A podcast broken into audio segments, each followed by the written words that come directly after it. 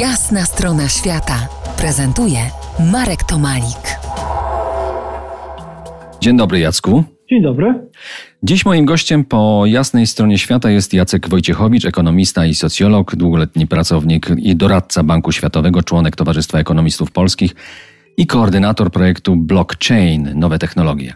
Jacku, w Australii zajmowałeś się służbą zdrowia, czy dobrze pamiętam?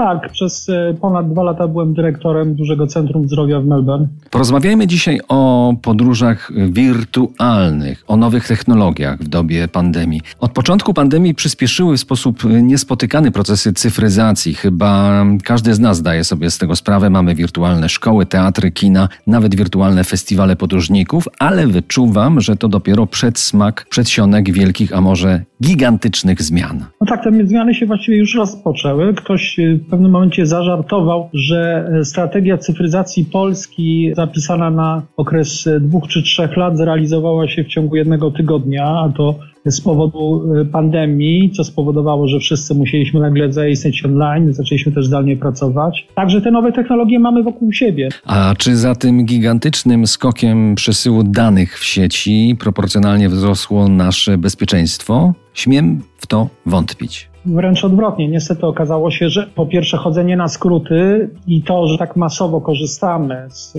tych wszystkich e, przepływu informacji w oparciu o internet, pokazało, jakie są dziury w systemie. Że na pewnym etapie rząd amerykański zalecił, aby nie korzystać z Zooma, ponieważ tak zwani patostreamerzy lub też osoby, które chciały podsłuchiwać, mogły się włączyć w dowolnym momencie. Dlatego też Zoom kupił firmę opartą o blockchain, żeby rozwiązać te problemy. Pojawiło się dużo cyberprzestępców, którzy próbują też korzystając właśnie tej powszechnej cyfryzacji, nas oszukać w taki czy inny sposób. Także niestety to bezpieczeństwo się pogorszyło, ale niemniej jednak y, to z kolei nastąpiła intensyfikacja prac, bo mnóstwo firm uświadomiło sobie, że są, na, y, są one narażone właśnie bardzo mocno na cyberprzestępstwo. No ale ty jesteś koordynatorem projektu blockchain. Powiedz nam, co to takiego? Ja jestem koordynatorem projektu blockchain nowych technologii w Towarzystwie Ekonomistów Polskich. Ten projekt ma tak naprawdę wymiar edukacyjny.